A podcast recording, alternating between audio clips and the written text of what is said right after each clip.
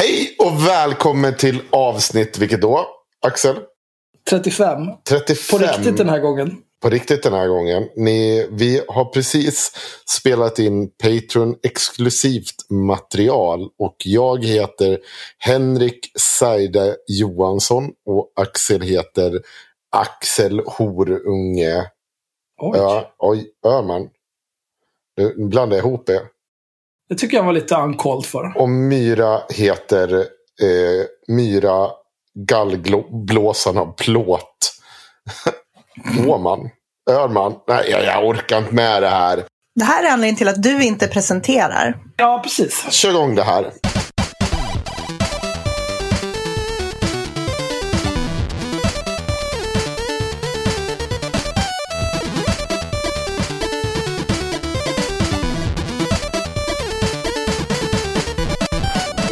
Som, eh, som Henrik började säga där så har vi nyss spelat in ett eh, Patreon-exklusivt avsnitt av dagens boktips. Där vi har läst från Katarina Magasin. Eh, och det läggs upp för våra patrons. Så vi är igång nu, typ. Mm. Ja, nu har vi värmt upp. Nej, vänta. Eh, om du är Katarina Janouch, eller om du är Bianca Muratagic, eller om du är någon som golar till dem om eh, tråkiga saker som sägs om dem. Eh, tipsa mig om att bli patrons. Det kan de få höra. Vi har ju faktiskt skänkt pengar till Janusz, så att hon är ju skyldig oss lite pengar. Follow for follow, alltså. Det där är dålig stil. Man följer tillbaka. Och till er som nu sitter här och lyssnar på det här gratismaterialet. Tänk på att det finns mer att hämta. Om ni bara skänker en dollar eller två. Då kommer ni bli jätteglada. För det var ett strålande avsnitt. Och det ni kommer få höra nu det kommer vara skittråkigt. Så det är bättre om ni betalar för er. Och Ja. eh, framförallt. Alltså du har blivit en så jävla 2,19 är- chill, Henrik. Ja. Men framförallt så kommer ni som betalar få komma på vårt eh, Patreon-exklusiva event. Där vi ska bli Oj. skitfulla på en sunkkrog på Söder. Mm. Och det är, det är inte att gå på någon jävla mingel. Det är att vara full, bete sig illa. Och, Gå ja, hem tidigt för att man kräks. ja, det har Mm. hänt. Det har hänt. Saker Eller som kan hända är också att Henrik ser någon som har begått honom en oförrätt. Mm. Då ska han gå dit och skälla ut den personen. Mm. Och det är kul. Ja, det är roligt. Vi ska bjuda in Aron Flam. Det ska Mm. vara slaggis.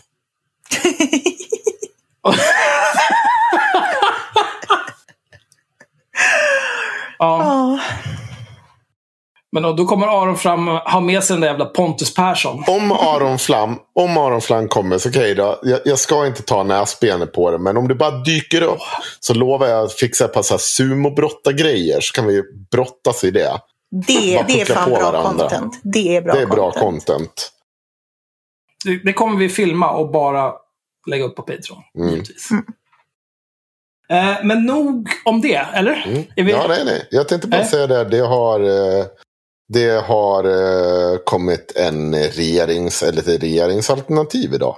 Mm. Eller hur? Vad Har- spännande. Har det det? Har det det? Jag Eh, är helt okej med att prata om det här. Eh, men som sagt, vill jag säga så här att jag är, tänker inte, jag har inga som helst synpunkter på regeringsalternativet. Jag är varken nöjd eller missnöjd. Däremot är jag extremt nöjd över eh, den typ av människor som är missnöjda över det. Mm. Så att även om Ja, jag alltså, är... det, egentligen spelar det ingen roll vilken ordning vi tar i. För att det är ingen av de här som sitter och grinar på internet som har läst vad det uppgörelsen består i. Utan det är mer att eh, Stefan Löfven! Men det är ju... Är det, ja. Berätta vad uppgörelsen består i då. Och vilka partier som ingår i den här uppgörelsen. Ja. Nu får du ju dra backstoryn här. Backstoryn är väldigt enkelt. Sossarna, Miljöpartiet, Liberalerna och Centern har kommit fram med ett eh, dokument som nu, de ska förankra med sina olika råd, partigrupper, partistyrelse och så vidare. och så vidare. Nu är det såklart att den här förankringen har ju redan påbörjats. Och sen ska man inte tro att den här förankringen går superdjupt. Utan känner de att de har stöd av några centrala personer och ja, lite i den demokratiska ordningen så kommer det här gå igenom. Eh, det säger fortfarande inte att det är klart för att vänster måste acceptera det eller någon på höger måste acceptera det. Jag tror att det kommer gå igenom. Jag tror att en, mer än så här att gå fram med mer än så här, det, det, det kommer inte ett nyval ordna upp. Det kommer inte vara bra om man, för det är ju inte sossarna som kommer förlora på ett nyval nu.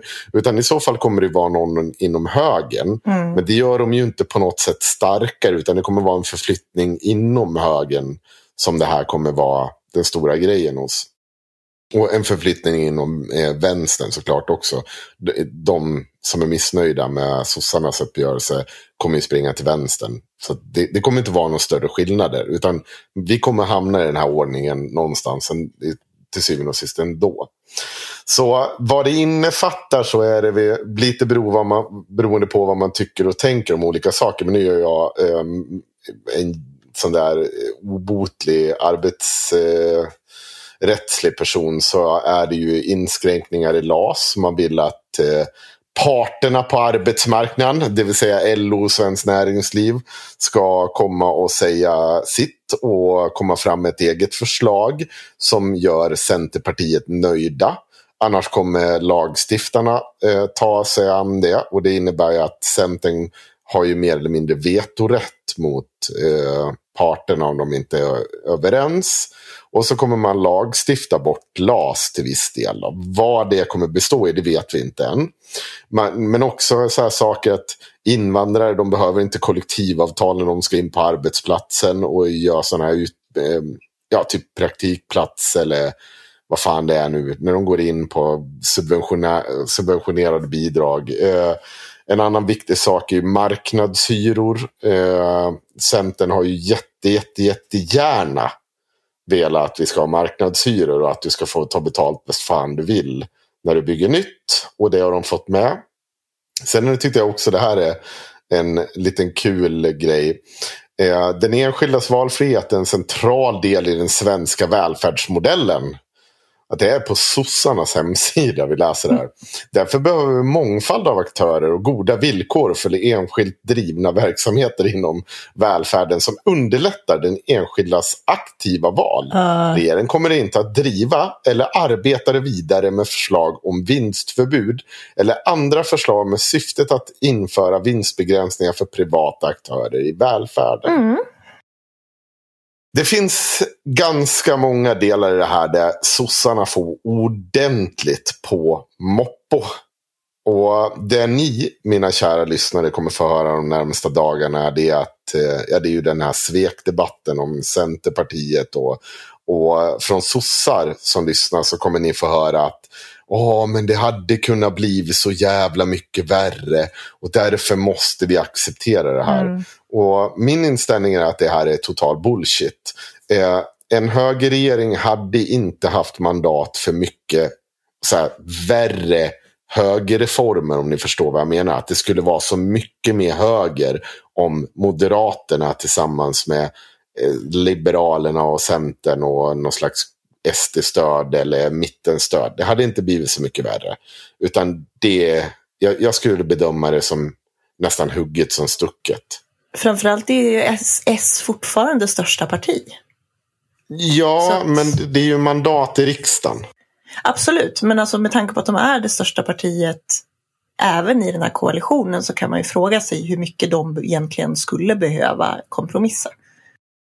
Förmodligen ganska mycket. För att nyvalet är Alltså, det är ju en jätteknepig fråga. Nyvalet är fortfarande nyvalet.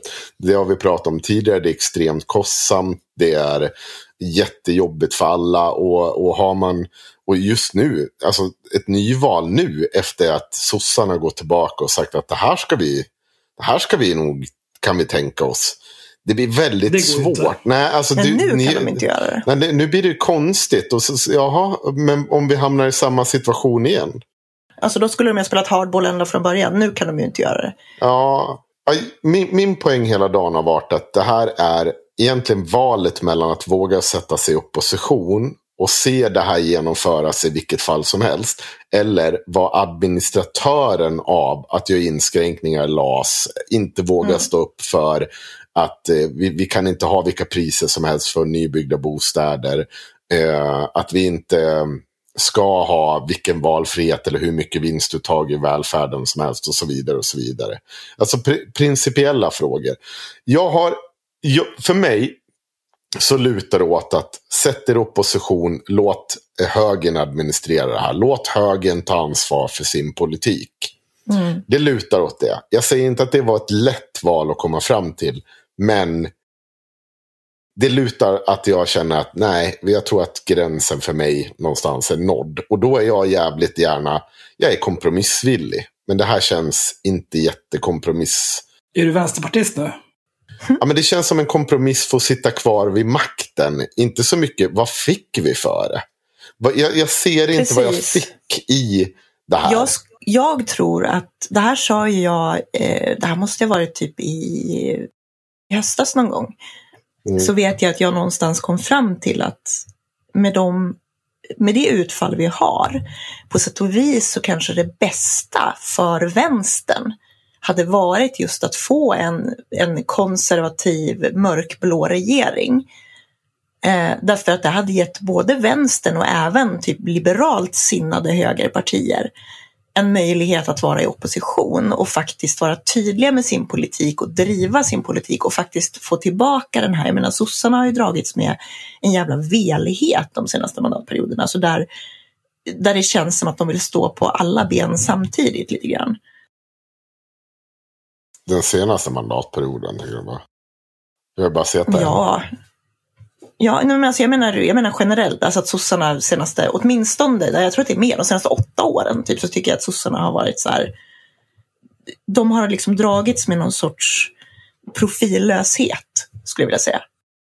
Ja. Eh, och det, och det, det hade man kunnat komma ifrån. Alltså hade vi fått en tydlig opposition som var jättelångt ifrån allt vad demokratiskt och liberalt heter så skulle vi faktiskt kunna få en chans att bygga upp en bra opposition. Man hade kunnat få en chans att faktiskt säga att det här är, precis som du säger Henrik, att så här, det här är deras politik.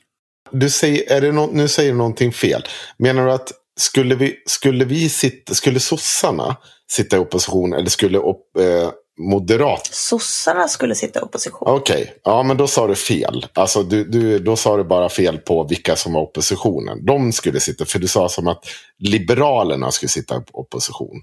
Men de skulle också sitta i opposition. Nej, de skulle ju styra då. Nej. Men de, om de inte, de kan ju låta bli att stödja M, KD, SD. Okej. Ja. Ja. Ja, Och låta dem försöka göra vad fan de vill. Alla bara sätter sig på Mm. händerna. Jaha, du menar, okej. Ja. Mm. Ja. För min poäng var att om man får en riktigt mörkblå, mörkblåbrun regering eh, och vi har både sossarna och eller Centern och Liberalerna som har sagt att vi vill inte stötta någonting där SD ingår. Då hade vi faktiskt kunnat få dels en liberal opposition mot de här ganska reaktionära konservativa och en vänsteropposition. Och det jag tror att det hade gett båda grupperna en chans att stärka sina Ja, väljarbaser och faktiskt driva sina kärnfrågor.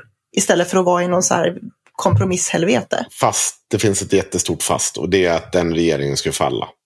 Den skulle falla på grund av att de skulle inte få igenom sin politik. Det är ju, jag, jag förstår precis hur du tänker. Men ett nyval skulle vara nalkande efter ett halvår. För att när de inte får igenom sin politik åt något håll. Då skulle det bli då skulle de falla som regering. Då skulle det Men, men ganska- det är väl positivt ur vår synvinkel? Ja, absolut. Men det skulle fortfarande vara samma mandatfördelning. Det skulle inte förändra mandatfördelning på något sätt. Men det handlar inte om men mandatfördelning. Vem, bryr sig om mandatfördelning? Det handlar ju om att formulera en politik som någon, folk bryr sig om. Någonting som är Jo, långsiktigt. jo, men hörni som ni- inte är det här jävla runkandet över de här bajsfrågorna. någon måste ta över efter att den regeringen har fallit. Och vad tror ni då hade hänt? Jo, då hade vi sett exakt det vi sitter och kritiserar just nu. Att exakt det här dokumentet hade dykt upp då, fast om ett halvår. Men vem bryr sig? För det första så vet jag inte för det första så vet jag inte om det är givet att det skulle ha fallit, för du kan fortfarande tänka att du skulle kunna få passivt stöd från till exempel de andra, alltså de mittenhögerpartierna. De hade kunnat säga att ja, men vi ger passivt stöd till det här så att vi får en jävla regering. Men det betyder ju fortfarande att de kan vara, de kan ju fortfarande få bild, göra sin egen profil gentemot Jo, men de måste, det är budgetar och sånt som ska igenom. Och, Ja. och det hade inte hållit. Det, då hade man, om, om, för om budgetar och sånt hade gått igenom, då hade det inte funnits två oppositioner. Då hade det bara funnits en opposition. För någon måste stödja budgeten. Ja, men det skiter väl jag i. Jag är ju vänster. Jag är väl jätteglad om vi får en stark vänsteropposition.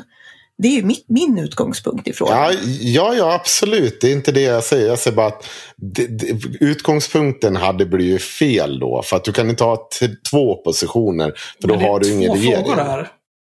En, den ena frågan är ju den här meningslösa regeringsbildningen. Som jag, eh, eh, och, och, jag, jag tycker genuint synd om folk som fortfarande två lax 19 bryr sig om den här regeringsbildningen. För fan alltså, vilken skit.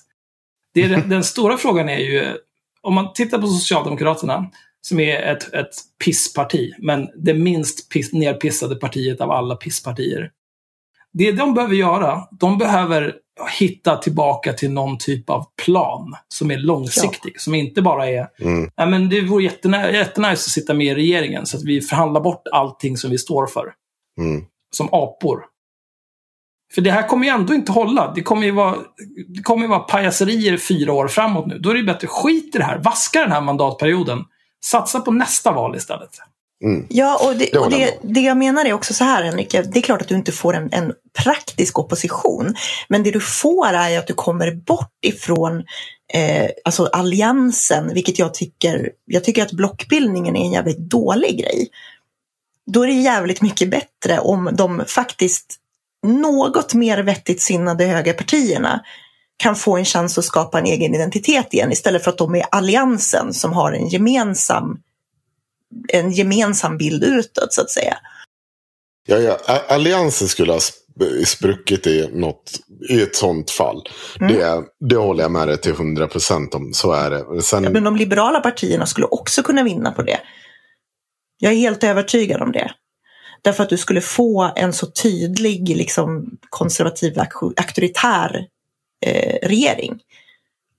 Att folk skulle bli så här, Ja, det här är inget kul fast jag vill fortfarande sänka skatterna och så skulle de gå lite mer åt mitten.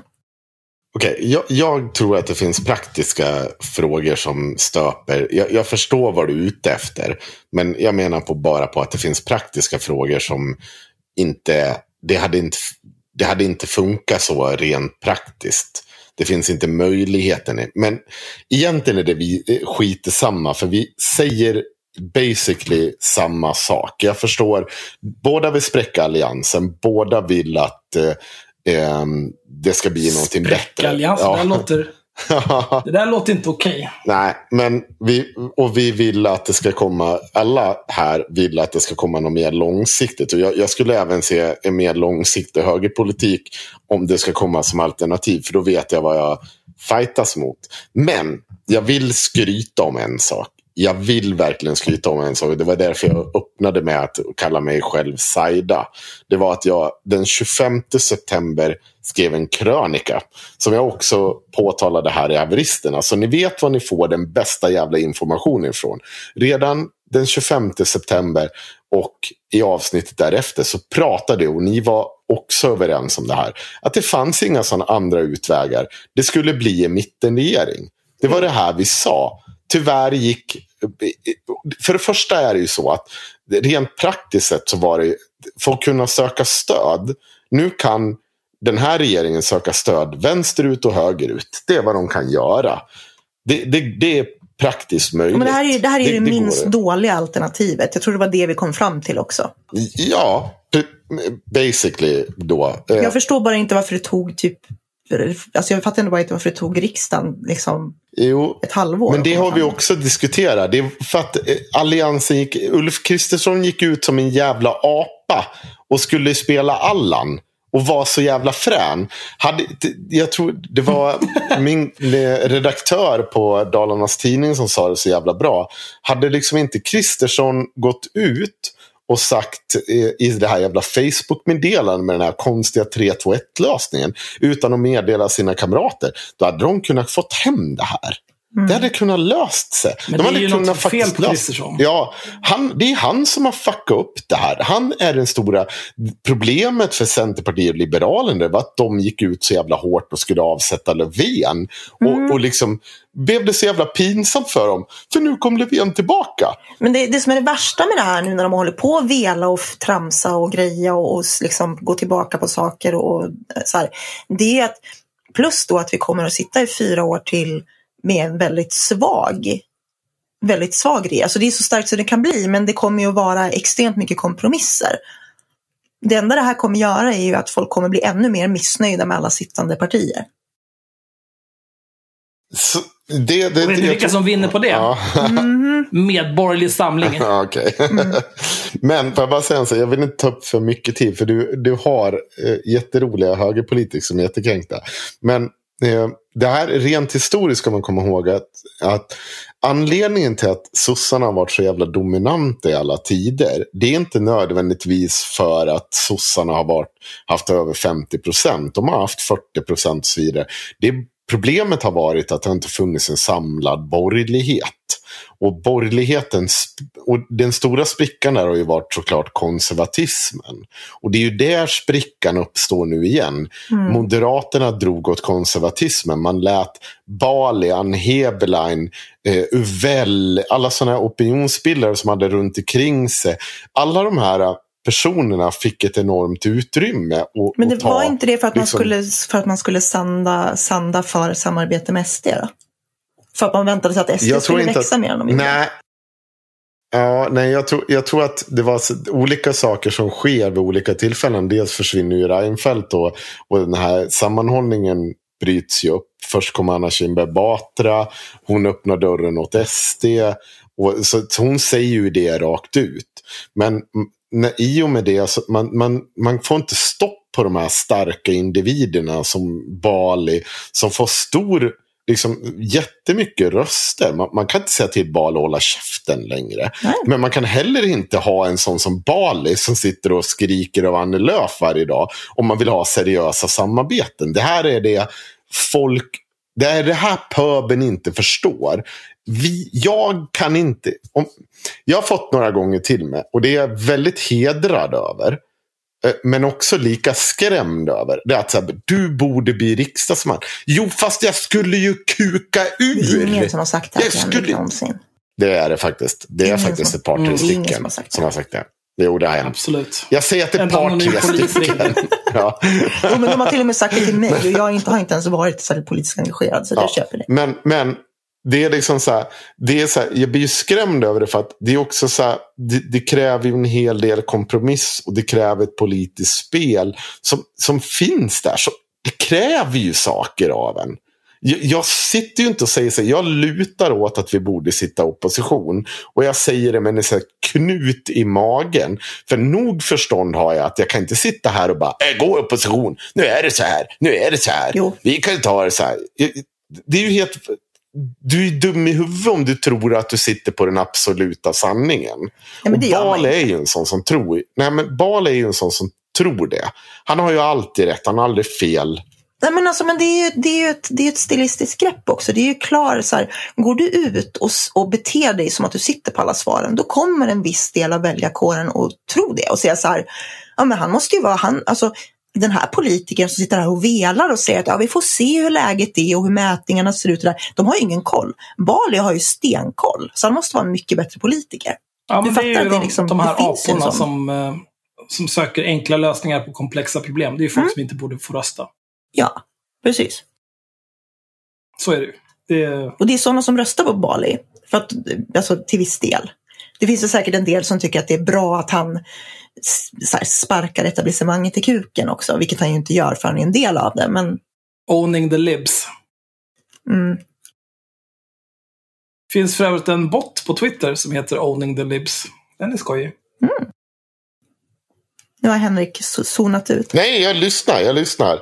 Jag, jag bara bråkar med Sven Perlis, eh, SDn. Varför gör du det? Ja, men förlåt. Det var jag inte. Jag lyssnade. Jag lyssnade jättenoga. Ja, men det, kan vi släppa den här regeringsbildningen? Ja, nej, men Jag- vi, vi, ja, förlåt. Men- men jag nu vill är jag prata om- jag vill prata om alla som är absolut, kränkta. alla som är Ja, ja, kränkta. visst. Det var Men- inte men meningen vi- att ta vi så här behöver inte mycket prata, tid. inte- behöver inte prognostisera något mer om Nej, nej absolut jag- inte. Jag, eh, jag, jag har nog med att, eh, att, att slitas mellan eh,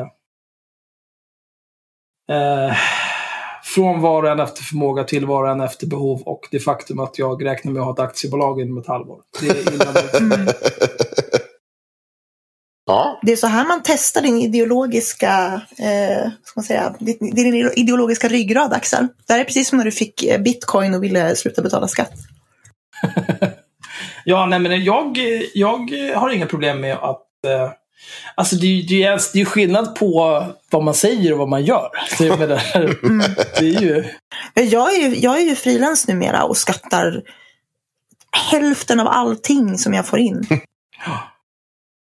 Det är, jätte, det är jättejobbigt. Man säger, ah, här är ett jobb för 20 000 och sen så bara, ah, vad kul, jag fick ut nio. Yay. Men det är väl, det är väl bra. på tal om det där. Jag, jag, en av Sveriges, en väldigt känd svensk personlighet som eh, SD-högern alltid utmålas som kommunist är tokmoderat idag. Och jag älskar det. Jag, jag vill liksom inte outa den här personen.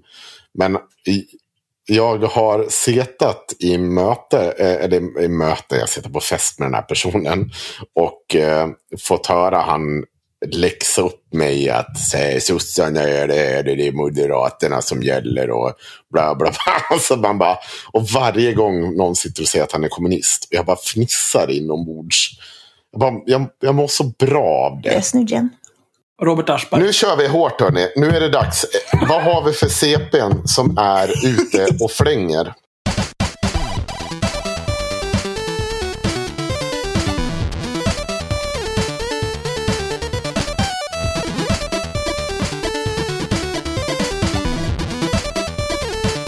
Ja, det är så många. Åh, vad- kan, vi, kan vi börja med, med Hebelein Ann? Hebelein Ann, det var min favorit. Ah, Hebelinan, vad fan har hon sagt? Det har jag missat. Åh, oh, Hebelinan. Så här, Hebelinan alltså, jag ska bara plocka fram så jag får exakta citatet, men det här är ju jätteroligt för Hebelinan har ju faktiskt varit ehm, Oj, oj, oj. Eh, Hebelein har ju faktiskt varit ganska, inte uttalat kanske, men outtalat öppen till någon sorts samarbete med SD.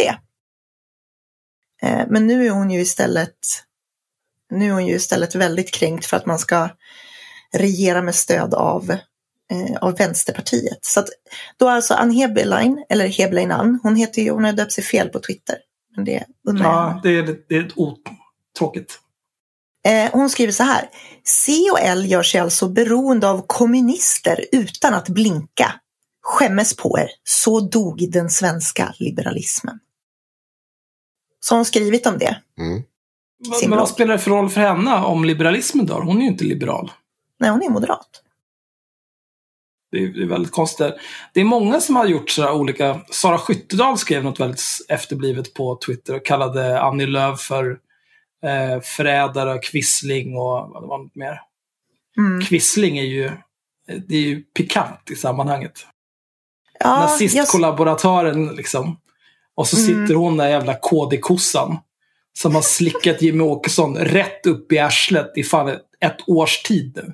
Sitter hon där och kallar någon annan kvissling. Jävla äckel. klåpare, bedragare, kvisslingar. Vi glömmer aldrig, Nej. skriver hon. Och så har hon en bild på Annie Lööf. Jag tycker att det här känns som ett hot. Vi glömmer aldrig också, never forget. Det är ju förintelsen. Alltså det är mycket, det är många härliga paralleller som går att dra Mm, det är här. mycket hundvisslande här. Men det här känns ju som ett hot jag hoppas att eh, Annie Lööf har polisanmält det här. Ja, det, det känns som en eh, strategisk bombning. V- Eller vem, vem, vem, vem, vem, sa vi nu? Sara Skyttedal. Ja, jag tyckte eh, Mattias Våg är ju en person vi lyfter för sällan. Han ska tog henne, nu är du hämta pansarvagn. alltså, så jävla glad över det. så roligt. Men det var några sådana kommentarer där. Ja. Jag, eh, jag tror ju att det här är ett led i Skyttedals offensiv för att bli KDs tråkigare svar på Hanif Bali. Mm. Problemet med eh, Skyttedal är att hon tar sig själv på för stort allvar. Hanif Bali, han tar ju också sig själv på allvar. Men han är ändå så här, han försöker vara nere med kidsen. Han eh, kör lite trista memes. Han lyfter och har pissdålig form när han bänkar. Eh, och så vidare liksom. Apropå Bali, jag, jag har ju mer vi ska säga om honom, men världens, världens bästa tweet om Hanif Bali var Erik Eriksson med två N på slutet på Twitter som tweetade att vara Hanif Bali på Twitter är som att vara en snygg tjej på Instagram. Du kan lägga upp vad som helst och veta att massa killar som inte fått ligga på ett tag kommer gilla det. Oj. Det var faktiskt Hanif Bali inne och sa, det var någon som... Eh, Ja, han svarade på det och tyckte att det var lite roligt själv. Ja, för den här som skrev tweeten skrev ju också, tyvärr tycker jag mycket Hanif gör är bra, vad gör det mig till? Ja. Och då skrev Hanif Bali, du behöver uppenbart ett homerun mannen. Och sen smiley. Oj. ja, men de har ju ändå lite självdistans liksom. Mm. Eh, Skyttedal har ju noll självdistans. Ja, nej. Liksom ska hålla på att rättshaverera mot DN för att de publicerar en bild från Facebook. Men hon, inte bara det, hon skulle, ju, hon skulle ju skicka krav till alla som hade delat bilden på Twitter också. Mm. Hur gick det undrar man? Eh, Vi får titta. Hon det har har hänt. Folk har, hennes- nej, men folk har börjat fått de där eh, kraven. Så Det är bara att roligt. bestrida. Ja. Men, men det är också, det är ju bara ytterligare ett tecken på att hon är helt störd. Men fan gör så. Mm. Och vill bli tagen på allvar sen som en Ja. vuxen människa. Liksom. Det är ju helt orimligt. Du är ju en grinig liten treåring som har pissat ner dig. Får du sitta där med blöta, illaluktande byxor istället. Hade vi någon mer? Ja, vi måste med fler, vi hade fler. Eh, Ja. Jag tror du satt på några till, Henrik. Nej. Ja, men vänta, vänta, men- men jag har. Jonathan Beså har ju... Ja, han har ju han, också. har han yttrat sig? Det har jag glömt att titta. Ja. Han sa, nu ska vi se. Plockar du fram den nu, Henrik? Så kan Nej, jag ta... nej, nej, nej, nej, nej, nej, nej. Jag kom bara på en grej. Ja, jo, jo, den här kan jag ta. Jag har faktiskt en bra. Linnea Hylén, den Mm. 10 januari. Det här är ju också, det här är ju inget, de är inte kränkta. Hon bara, förnyat medlemskap i Centerstudenten. En självklarhet i ett SC-förbund som har mage nog att välja rösta fram Kristersson till statsminister. Som skickar bild på sin inbetalning till Swish. det var igår. Det är faktiskt skitkul. Det är så jävla awkward stämning. Sen har vi Hanif Bali. Han säger så här. Det finns inget som eh, Centerpartiet in, äh, har fått från Socialdemokraterna som de inte har kunnat få från Moderaterna. Förutom anhöriginvandring. Så nu vet ni vad det handlar om. Och det är ju såklart, det är ju kantkungen Hanif Bali. Han vill ju gärna få det till att gå helt i den här extremhögerns retorik att Hanif Bali, eller vad säger Annie Lööf, hon vill bara invandring. Hon vill bara ha en massa blattar som springer runt omkring henne. Och det är ju, han är ju inte sen att spela på det. Det finns ju dock en sak till eh, Centerpartiet hade fått med Moderaterna. Vilka var det? SD. Jag, jag, jag bara satt och googlade idag. ST, det är väl en könssjukdom på engelska va? STD va? Ja, STD, ja just det. Sexually fan. transmitted disease. Ja, just det. Fan. Det var det jag, satt och... Nära. Ja, nära. Men, ja. Eh, det finns eh, också eh, en, under den där presskonferensen som Annie Lööf höll, Mm. Pelle Zackrisson som är, vad är han, nyhetschef eller någonting på Nyheter Idag. Mm. Mm. Som gjordes, blev lite av eh, ett, blev lite folkkär kan man nästan säga. När han frågade talmannen hur många dagar det var till 10 november, 10 januari. Och sånt bara var helt... Det är ju något fel på ja, jag vet. Det där är så snyggt. För det var... Ja, eller fortsätt. fortsätt. Men ja. ja, han... Eh, ah, nu under eh, Annie Lööfs presskonferens så frågade han henne två gånger om hon skulle äta upp sin sko. Ja. Det är liksom... Det är toppjournalistik. Ja, nej, det, vet du vad? Och det, det är faktiskt så här. Hon har ju sagt det. Och jag, förstår frågan. Men det finns en poäng. Och jag ska ta upp det. Emanuel Karlsten twittrade om det. För hon har faktiskt svarat på det där. Eh, och jag tyckte det var ganska roligt. Eh, och det är Benjamin, eh, vad heter han, från MUF. Eh, nej, det, Dosa. Nej, okej, det var kanske. När ska du äta din högersko? Frågan. Då svarar Annie Lööf så här. Jag tillredde en skopytt redan 2014 med alla alliansledares skor som vi åt tillsammans. Då, tyckte allian då tryckte alliansen gult. V fick inflytande och vi fick eh, inte genomslag för vår politik. Nu trycker C gult. V får inte inflytande Eh, och vi får genomslag för vår lib- liberala reformagenda. En stor skillnad. Eh, och det får man ge henne att det är ganska snyggt gjort. För hon, jag tror det är 2013 hon skriver det här. Och um, de flesta säger ju att alliansen dog ju redan 2015 i och med dö- det, decemberöverenskommelsen. Så ja, okej. Ni kan hålla Det var fast vid det. Kristdemokraternas fel att december. Ja, jag vet. Så kom, sen gick. Och alliansen sprack där också, skulle man kunna säga, i mångt och mycket.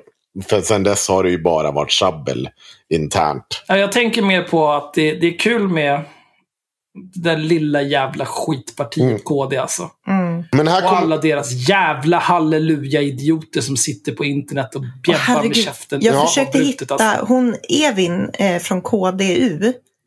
Eh, ja, Ja, hon är ju ett alltså hon har av rang, tweetat alltså. så jävla mycket. Ja. Men för innan Alltså dess, jag, jag bara- försökte hitta här, ja, men jag, vill, jag vill bara läsa hennes, eh, men du kan säga först. Ja, det ligger i vår grupp, Myra. Du vet den där gruppen som vi... Jo, jag vet, men jag, har hittat, jag håller på att hitta hennes... Ja. Eh, hon, har skri, hon har alltså skrivit tusen tweets idag. Det är bara så här, Tusen? Nej men säkert hundra. jaha, Många. Okej. det Här. Det är Roger Sahlström-nivåer. Ja, men vi plockar, vi plockar, nu tar jag bara lite ur högen här. Erkänn i kaps bara att ni är icke-borgerliga och PK-paralyserade smygsossar som föredrar marxistpartiet V istället för att inte låtsas om dem. Vilket ryggradslöst beteende att kampanja med alliansen för att sedan svika sönder för Jimmy skrämmer er. Herregud alltså. Och så bara, bara, bara, det här är alltså för sju timmar sedan. Hon har alltså tweetat, hon har gjort någon jätteful meme också.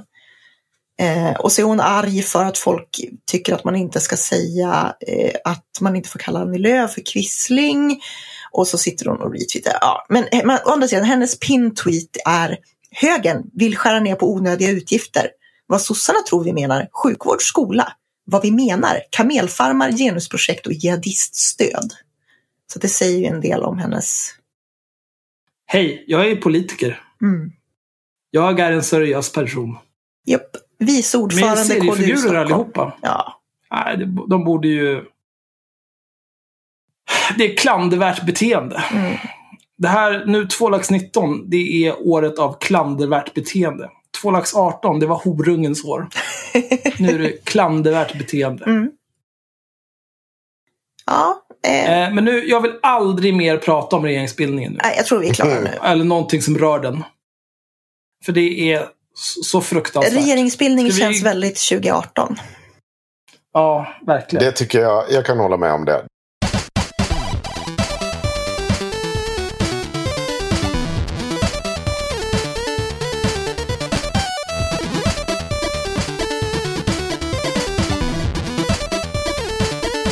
Eh, prata om Aron Flam nu alltså? Mm. Jag, jag har suttit och Taggat.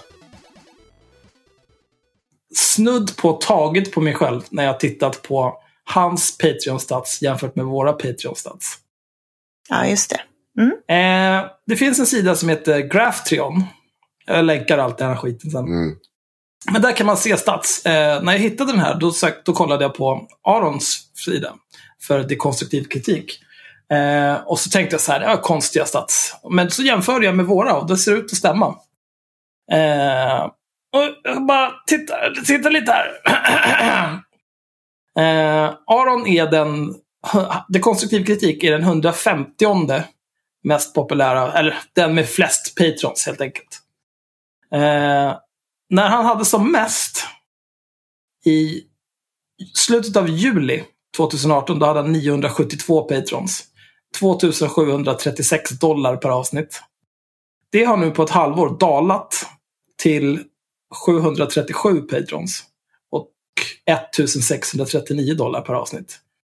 734 faktiskt. Så han har tappat tre till sen du öppnade fliken. Perfekt. Det gör mig riktigt, riktigt glad.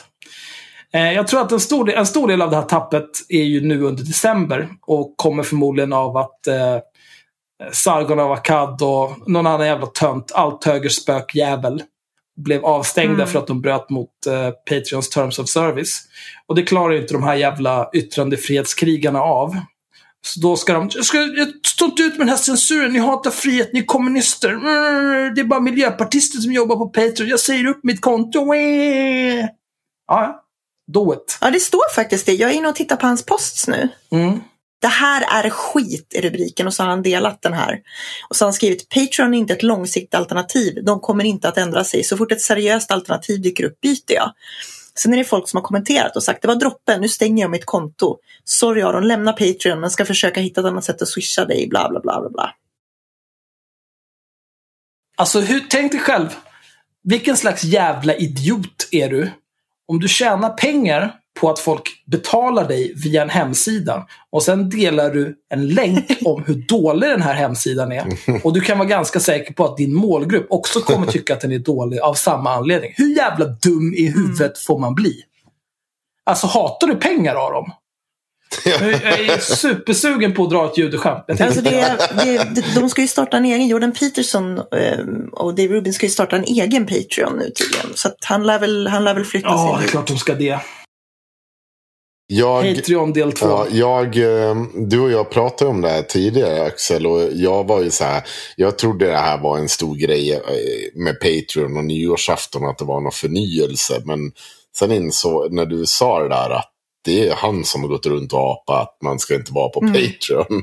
Och så har Ja, han är så jävla har så jävla många idioter som bara, nej jag ska inte vara på Patreon. Och så bara följer hans minsta vink. Och så bara, ja, nu blev det så här. Fick du lite mindre pengar Aron? Det blev lite det tråkigare. Men då, om man jämför lite stats här då, Mm. mellan eh, dekonstruktiv kritik och eh, haveristerna. Mm. En mycket, mycket bättre podd. Mm. Eh, Aron har tappat 32 placeringar och ligger nu på 150 plats på Patreon. Mm.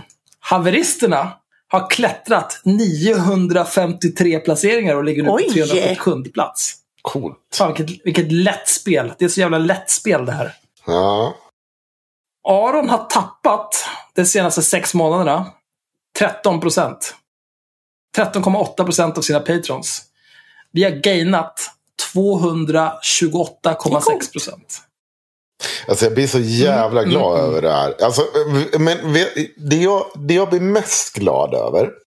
Och det, det här tänker jag jättemycket på.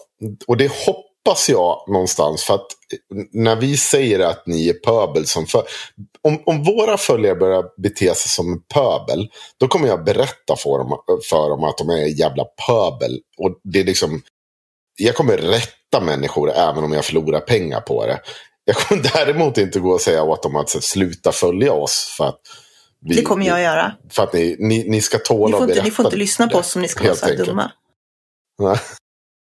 Ja. Nej, alltså det, det är mycket mer okej att inte betala för sig än att vara efterbliven. Ja.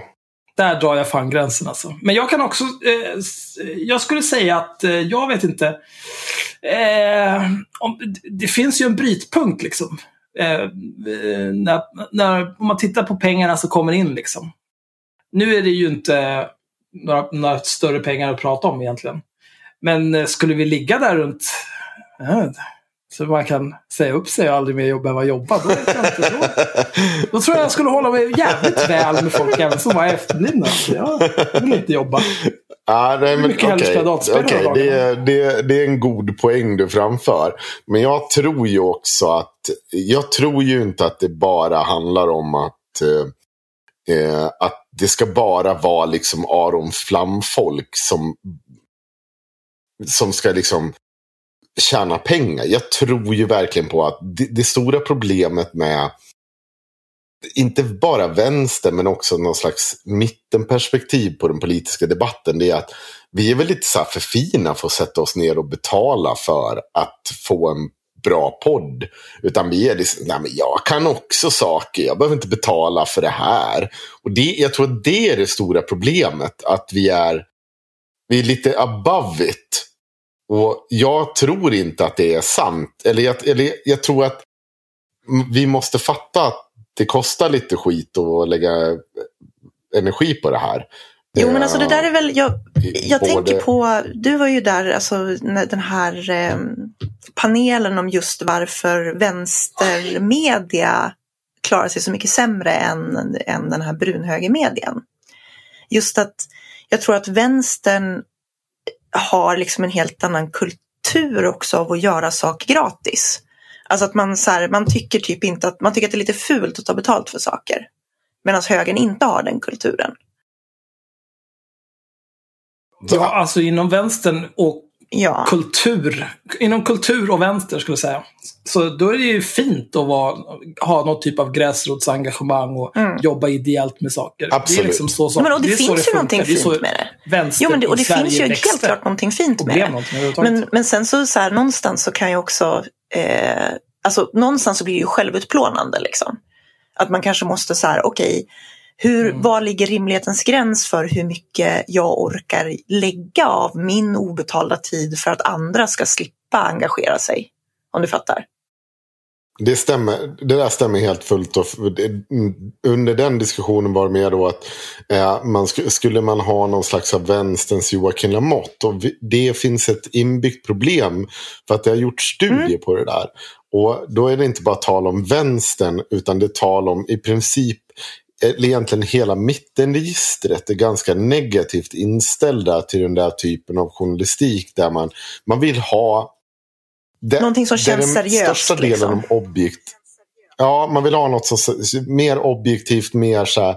Även ut, det finns en skillnad mellan ganska extrem höger och ganska extrem vänster. Och då pratar vi inte om yttersta som kommunism och nazism. Utan ganska höger och vänstervridna saker. Så finns det en större dissonans att på vänstersidan så vill man ha ändå så ha mer objektiv diskurs. Eh, Man vill ha en objektiv diskussion om dittan och dattan. Det, där är någon typ av självbedrägeri.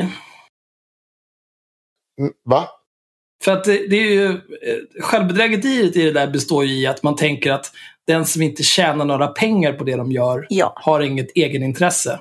Och därför så är det mer objektivt. Ja, ja, ja, ja jo, jo, men det är inte det bara. Men utan- alltså, tittar man på, menar- tittar man på, högern, då är de ju bara herrelösa hundar. Nu var jag seg i min poäng. Jag menar bara att vi vill inte ha Lamotte rent generellt. Det är inte ett vinnande koncept.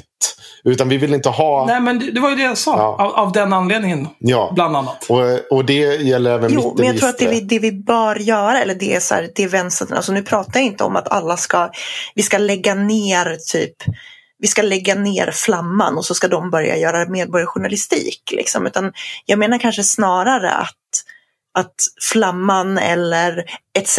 eller whatever ska bli bättre på att faktiskt säga bara hörni, eh, det här gör vi och det här kostar pengar och vill ni att vi ska fortsätta så måste ni faktiskt stötta oss. Liksom. Och att det inte är någonting skamligt i det. Ehm, det är väl kanske mer det jag menar att vi... Så är det. Nej, det, där har Mm. du ju föreläsningstillfälle. Du kan ju berätta för dem om vår otroligt lyckade Patreon-kampanj. Eh, men, men alltså, för det finns ju det finns ju en potential för det. Alltså det finns ju en potential för det och det, det är bara att titta på, på liksom de pengar som vi ändå fick in på IRM. Alltså när vi skulle samla in pengar för att skänka till, vi hade planerat att skänka bort eh, 20 000. Så vi bara, men vi samlar in 20 000 och får vi inte in de här 20 000 så får vi väl täcka för det själva då, liksom med det som folk har skänkt tidigare. Och så slutar med att vi skänker bort 120 000 för att har du en bra idé och bara hej, vill ni skänka lite pengar till att hjälpa till med det här? Då vill folk betala för det. Liksom. Ehm, men vi kanske är lite dåliga på... Jag, Och be om. jag tror att Sen tror jag också att en, ett, betalningsviljan finns det. ja, ett, ett Men, vinnande eh, koncept. Det handlar ju om att det måste finnas något att betala också. Ett vinnande koncept är också att vi är liksom, vi sitter inte och skriker att nu har jag blivit utsatt för rättsövergrepp och nu ska ni skänka pengar till mig. Utan när vi väl ber om det så kommer pengarna och då är det nice. Fast det, det där finns ju också. Ja, hur som haver. Ska jag tycker inte att vi ska fastna i den här diskussionen Axel. För att vi har så Oj, oj, oj. jävla mycket ja, skit du fick säga det du ville Ja. och sen så är det klart. Då har vi Exakt, pratat klart om det här exakt, jävla kukhuvud. exakt. Aron Flam var vi inne på.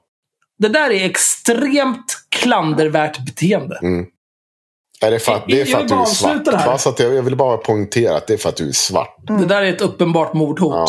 Och när du kommer hit, då ska vi reda ut det där. Real quick. över, över broccoli. Jag kommer kasta Aron Flam på dig. Ja. Men i alla fall, tillbaka till Aron Nej, jag har en sak jag vill ta upp här innan vi går ifrån det här med... eh, Mhm. Vi pratade ju tidigare, eller vi, vi pratade allihopa innan ni två började pladdra om saker som jag inte bryr mig om. Så pratade vi om att våra patrons, när de beter sig illa så behöver man ta itu med dem. Mm. Eller våra lyssnare. Jag har en lyssnare jag behöver ta itu med. eh, på vårt senaste avsnitt här, som vi publicerade, så har Svante Hansson Jag hatar att behöva vara den som säger det, men Axel har tyvärr helt fel vad gäller hur man skriver datum på svenska. Regeln är att man utelämnar kolon E om det är uppenbart att det rör sig om ett datum. Källa. Boken Svenska skrivregler under rubriken tidsuppgifter. En sak ska du ha klart för dig, Svante. Jag är svensk. Jag behöver inte läsa en massa böcker om hur mitt modersmål fungerar. Dessutom är jag lärarson. Jag har det här i generna. Jag kan det här. Glöm inte att bli Patreon. Ha det bra sånt. Han är ju, han är ju, han är ju Patreon för det där var ett Patreon-avsnittet jävla få. Nej, det var det inte alls. Var det inte det? Var det gratis? Nej, det var det förra när Myra fick kallstensanfall. Ja, men det... Hade, hade han varit Patreon hade jag väl aldrig sagt sådär till honom. Fattar du väl? Eh, Eller jag, vet inte, jag har inte kollat. Han kanske är Patreon. Jag, Jag vet inte, jag, jag kan tänka mig att folk skulle betala för privilegiet och bli tillsagda Ja. på skarpen. ja, vi kan lägga till en tier på Patreon. Fem dollar i månaden så ringer någon av oss upp och säger till på skarpen. nu måste vi in på spåret. Ja, men jag skulle ju göra det. Jag var Ja. ju på väg in på spåret. Jag skulle säga att Aron Flam har även gjort mig en oförrätt idag. Åh nej. Asså? Okej. Ja, kör. Ja, men jag, jag, jag, jag är så mycket inne på spåret. Det var ju bara att vi fick ett, kom ett litet sidospår där. Ja. Jag tycker jag- att det här är bra. Det här är klassiskt haveristerna. Vi har Ja. en massa punkter och saker vi vill prata om, men istället så handlar det bara om oförrätter. Mm. alltså så här då, Aron Flam, för att vi, vi skulle ju faktiskt prata om att Aron Flam har dragit ett skämt på Twitter idag. Mm. Eller ja, igår kanske det var. Ja. Mm. Det var extremt klandervärt. Mm. Eh, vill du berätta om skämtet så kan jag berätta om oförrätten sen Henrik. Nej, du får börja med att berätta oförrätten. För vi ska göra en övergång till hela skämtdebatten och vem det drabbar. Oj. Fast jag måste ju Det är bra förklara. att du spoilar övergången nu. Ja, Men jag måste ju förklara skämtet för... Okej, jag för- jag förklarar inte skämtet. Eh, Aron Flam drar ett klandervärt skämt. Och så blir det en diskussion här ja. om att Aron Flam har dragit ett klandervärt skämt. Men eh, någon försvarar honom då med att så länge han fortfarande kan vara en roligast i landet på en ståuppscen, då kommer Martin Soneby in, vilket är roligt, som också är komiker om man inte vet det. Eh, och säger, du har inte sett särskilt mycket stand-up de senaste åren va? Snubben har varit en veritabel enmannabombmatta för all sorts publik oavsett politiska åsikter. Han har knappt fått med sina största fans när han stått på scen. Eh, och sen Ja. så blir det en liten diskussion där, Aron Flam är jättekränkt. Det här kan ni gå in och titta Vi på. kan också säga så här, för att det här är faktiskt ett ganska internt grej för eh, de som har koll på ståuppkomik. Och det är att om man bombar, det betyder att det går åt Herregud, helvete. Henrik. Det går åt helvete. Det är vad det betyder. En strategisk bombning Mm. på ståuppscen. Det är att det det, är inte så ofta, det är inte så ofta Hen vi måste tänka så det är inte så ofta Henrik får förklara vad ord betyder. Så att vi kanske bara ska Nej. låta honom göra det. Ab- absolut. Mm. Eh. Annars kan vi ju ta in Svante här, så kan han stå på mittfält och berätta hur alla ska spela. Ja, jag kan, jag kan också så jag- säga jag så här, alla som håller med att jag gör bra folkbildare, ni kan mejla henrik. eller at interrasistmän.se och så märker ni haveristerna och så bara ger ni mig det. Så ska jag läsa upp de här mejlen för dem sen. Eh, Okej, Ja. absolut. Ja, Många anonyma poliser. Ja, alla de här anonyma poliserna som hör Mm. av sig. Hur många trollkonton kommer du behöva skapa för att skicka alla de där mejlen, Henrik? Fy fan alltså. Riktigt klandervärt. ja. Jag skriver i alla fall en kommentar då under den här eh, och skriver att det är väl det här som är grejen för mig. En komiker kan skämta om och med det mesta. Aron har ju på senare tid satsat mer på politisk opinionsbildning och med det så kommer en helt annan gränsdragning att ta hänsyn till vare sig man vill eller inte. Eh, och i, ni kan notera att i det här så konstaterar jag egentligen bara att det är klart att om du, om du är Mr Cool liksom, och bara sysslar med, kom, med, med komedi så kommer folk kanske att inte ta dig på fullt så stort allvar när du drar ett skämt om en politisk motståndare utan de kommer säga okej men han sparkar åt alla, alla håll. Men Aron har ju profilerat sig väldigt politiskt vilket innebär att det kanske blir lite andra måttstockar för sånt han säger. Att man kan inte avfärda med att det här är ett skämt för att han håller också på. Det blir ju samma problem som med Hanif Bali. Ja. Fast från andra hållet. Det är Mm. liksom, eh, Hanif Bali är ju en, eller ja, utger sig för att vara en politiker men beter sig som en pajas. Mm. Aron Flam utger sig för att vara en pajas Men beter sig som att han har någon typ av aspirationer att vara en, en seriös debattör. Mm. Eller Ja, och, då- och då kanske man inte kan gnälla så här när, när folk blir upprörda på att man säger någonting väldigt... Alltså jag, jag tänker använda ordet politiskt korrekt, men då menar jag liksom i, i någon sorts, inte i någon sorts Sveriges definition, utan att det där var väl inte så jävla smakfullt sagt. Från en politiker så kan man avfärda det med att jo, men det är ett edgy skämt, men det här är en snubbe som faktiskt försöker vara politiskt relevant. Och då, ja. Men det är bara det jag säger egentligen. Och då säger Aron Flam så här, nej det gör det inte. Jag är fri att uttrycka mig precis hur jag vill. Du är inte min mamma Myra och du kan inte kasta dessa stenar med tanke på ditt uppförande här. Du är bara en fascist som vill förbjuda fri konst. uh, ja. Och han är så kränkt. Alltså, han... Han, han blir mer och mer liksom... Jag, jag tror att han... eh, Det, det är någon typ av eh, mögel i hans huvud. För att han, han är ju- Han var ju mildly interesting. Eh, typ, eh, när vi började med haveristerna. Mm. Då, då hade vi ju lite kontakt med Aron Flam. Han delade ju till och med första avsnittet på Ah, ja. Twitter. Och, och var liksom, eh, gratulerade oss när vi fick en massa lyssnare och sådär. Och var en ganska skön kille. Lite konstig, men okej. Men nu har det liksom möglat sönder i huvudet på honom och han har blivit, ett, ett, kör den här, ja du försöker tysta mig, och det är censur, jag får säga vad jag vill. Det är ingen som hindrar dig, du får säga precis vad du vill. Men du får också ta den kritik som kommer med av att du Ja. säger extremt klandervärda saker. Jo men precis. Yttrandefrihet är inte rätten att få säga vad man vill och stå oemotsagd. Tvärtom. Ja men det är väl det här, alltså, du kan Ah. inte å ena sidan vara en kantkung och tycka att du ska få dra skämt som det här klandervärda som vi ska ta upp sen tydligen. Eh, och tycka att men vadå, man måste kunna skämta om saker. Och sen bli liksom så här lilahårig social justice warrior på Tumblr kränkt så fort någon säger någonting det minsta drygt om dig. Det funkar liksom Ja, inte, du måste välja patetiskt. någonstans. För där har ju Hanif Ja. Bali faktiskt, som vi redan har varit inne på, okej, han har en jävligt klandervärd ton, men han kan också typ ta att folk dry, alltså är dryga mot honom tillbaka. Mm, jo, han, han, är, alltså, han kan ju inte riktigt ta det. Han är ju liksom... Nej. Har, har man, har, är man gjord av tändstickor större delen av sitt liv Mm. och sen börjar man lyfta och liksom eh, få någon typ av normalt BMI. Mm. Då har, det, det har ju satt sina spår liksom. Han kommer ju, nu kommer han ju gå från att vara någon typ av mobboffer till att bli en mobbare. Bara för att han nästan tar 90 kilo bäck. Det är bra på internet för då syns det inte hur kort man är heller. Nej, precis. Mm. Och det, är- det är därför det där skägget. Jag menar, come on. Det, jag, det har jag sagt flera gånger. Han har mycket, mycket bra skäggväxt. Det är ett imponerande skägg. Absolut. Men vem har den typen av skägg om man inte kompenserar för något? Jag har skägg enbart för att jag orkar inte raka mig. Jag har inte rakat mitt ansikte på snart fem år. Och jag ser inte att jag kommer göra det någon gång mer i livet. För jag pallar inte. Lyckligtvis så är inte mitt skägg så vildvuxet. Det tar slut här. Det, det var så här. Det tog två veckor så var det så här. Och nu är det så här. Det perfekt. Mm. Jag har en liten virvel nere på vänster sida av hakan. Men det, det skiter jag i. Ja, Vill du eh, berätta om hans klandervärda skämt eller vad var vi på väg jag vet inte. Nej, jag, men jag Ska, du, ska vi börja? Nej, ordsmedar men lite. ordsmeda lite på det. Ska jag dra Ta det klandervärda klandervärda skämtet? skämtet som det börjar med.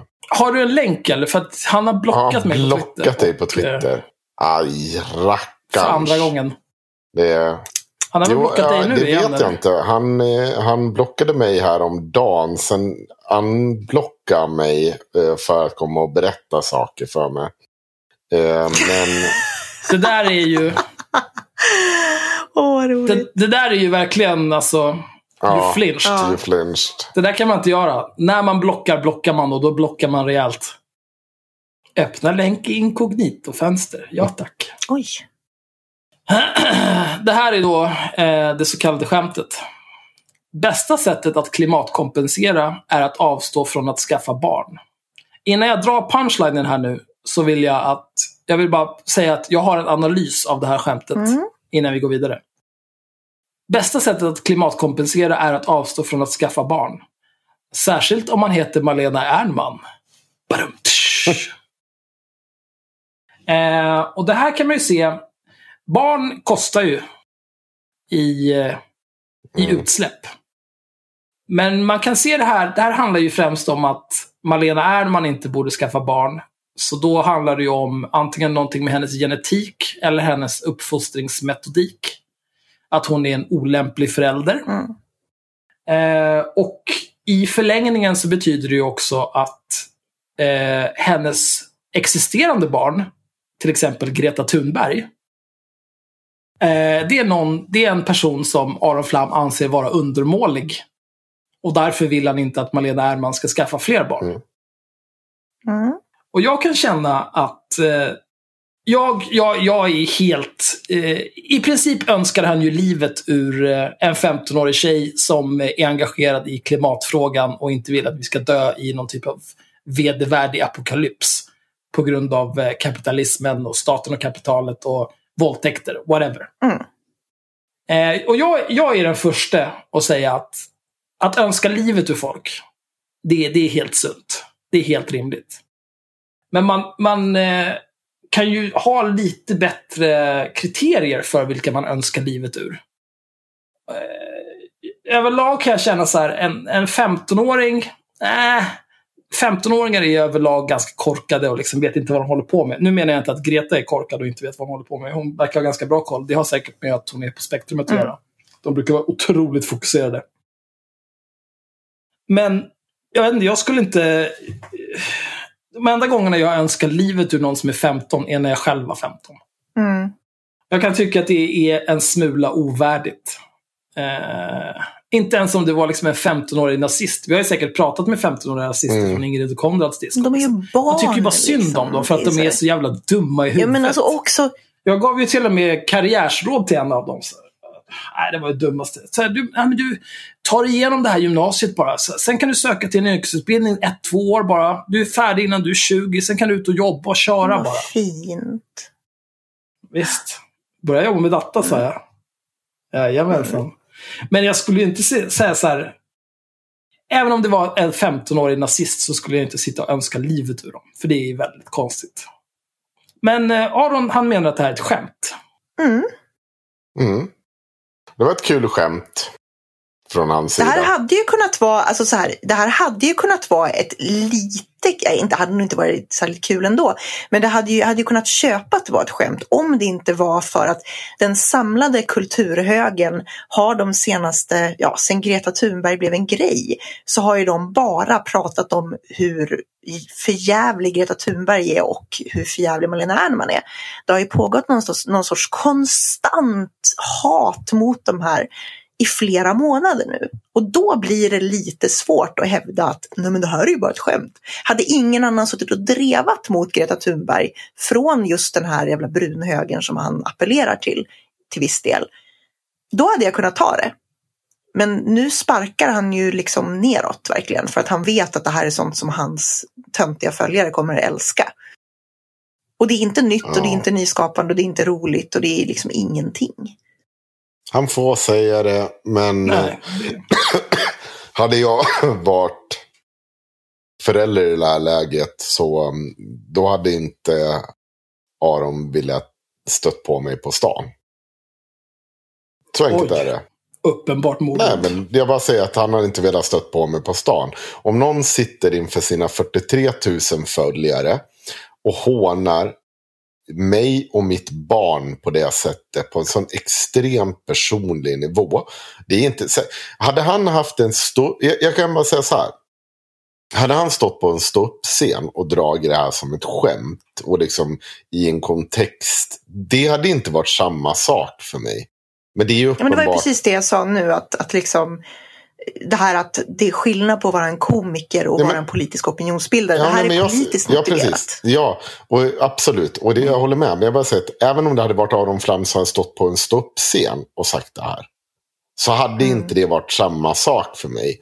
Men det här är, det är så uppenbart att han vill håna henne. Det, det är inte längre en, liksom en, en del av en ståuppkomik där jag faktiskt får alltså det, det, det blir lite, det finns en kontext. Jag hade kunnat bli sur då också, men inte på samma sätt. Hade någon sagt så om mitt barn, eh, och jag kan tillägga så här, det är lite förtid, för han kommer ju säga mer nu. Eh, jag hade, jag hade, jag, jag, hade jag träffat honom på stan, då vet jag inte vad jag hade gjort. Jag tror inte det hade slutat med att vi hade stått och växlat några fina ord och förståelse för din yttrandefrihet. Utan det hade nog varit mer i en rättssal att nej men det är lugnt, jag slog ju av näsbenet på en och eh, jag står för det.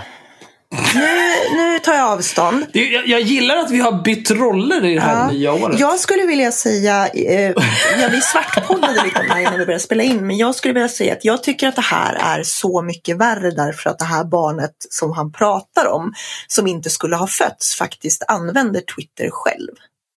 Ja, det, det, Ja. Båda finns där. Det är alltså så jävla vedervärdigt att de att han beter sig så här. Alltså det, det är så jävla... Alltså så här, men det var bara ett skämt.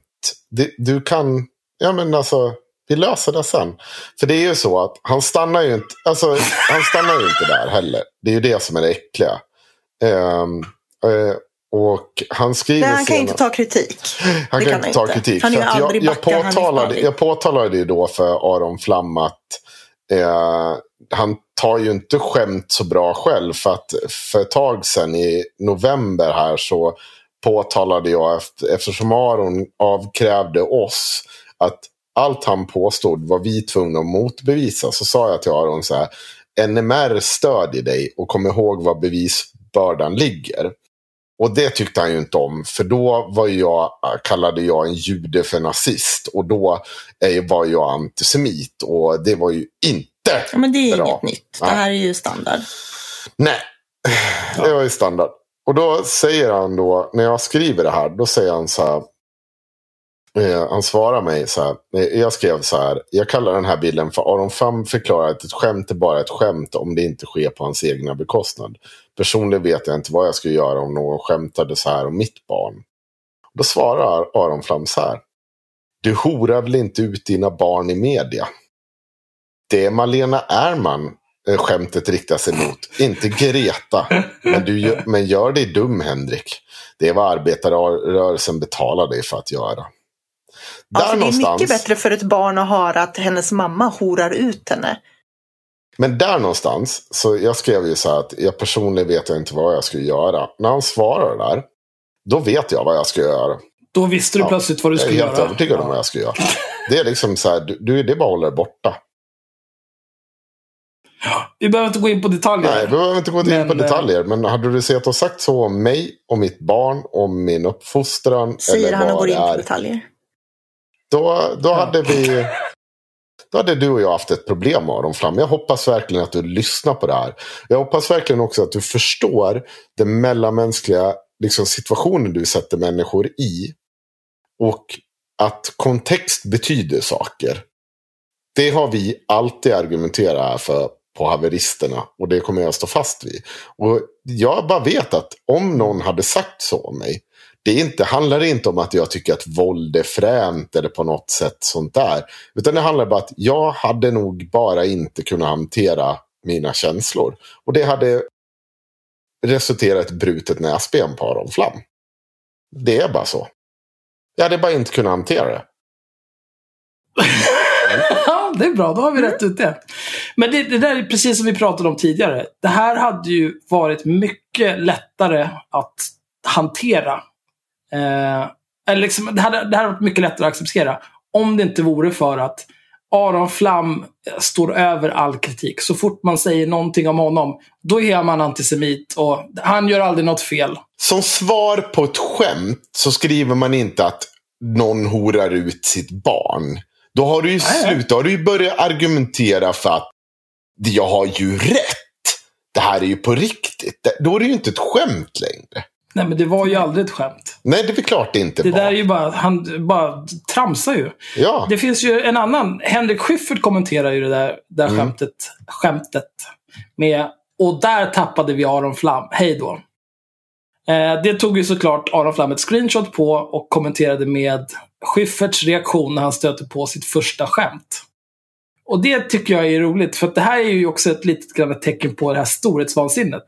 mm. För jag menar, eh, jag, jag är gammal nog att minnas Killinggänget.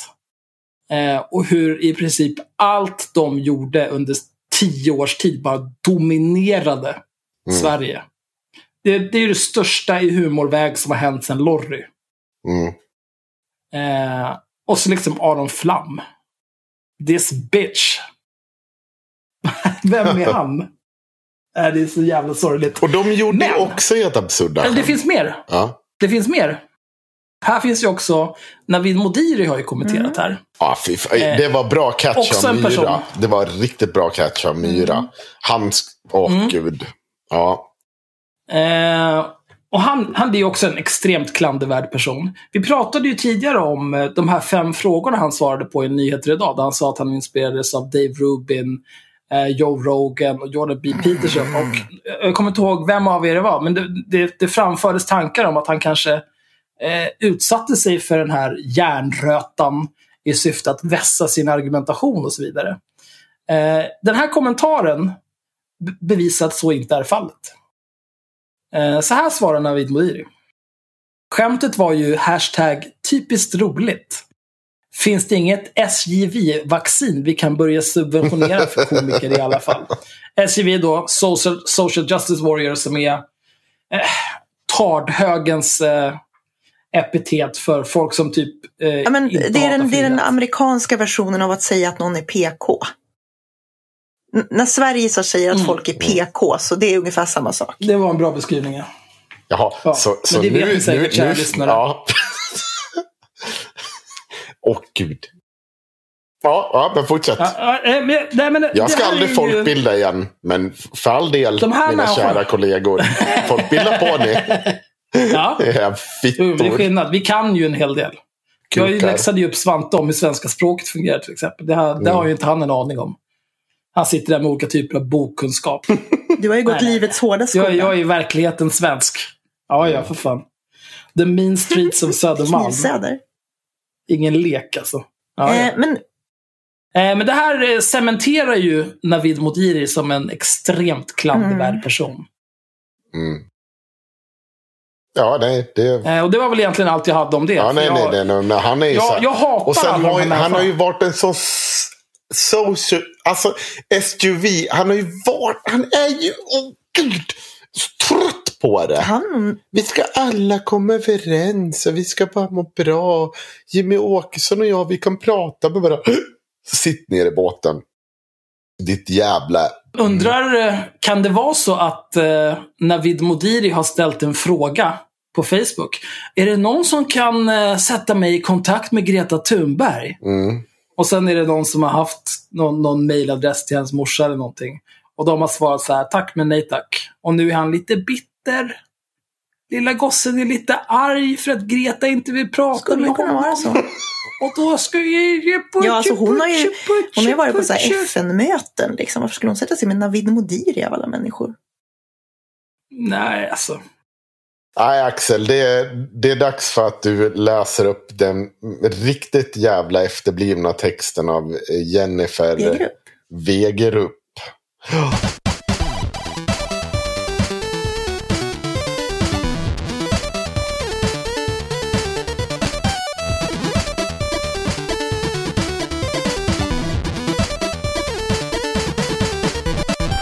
Nu är det högläsning. Ja, det är också en extremt Vi klandervärd har person. ju, ehm, eftersom, eftersom vi på Haveristerna gillar en bra underdog. Nu är ju inte i och för sig Greta en underdog, men vi gillar ju alla som gör de här idioterna arga.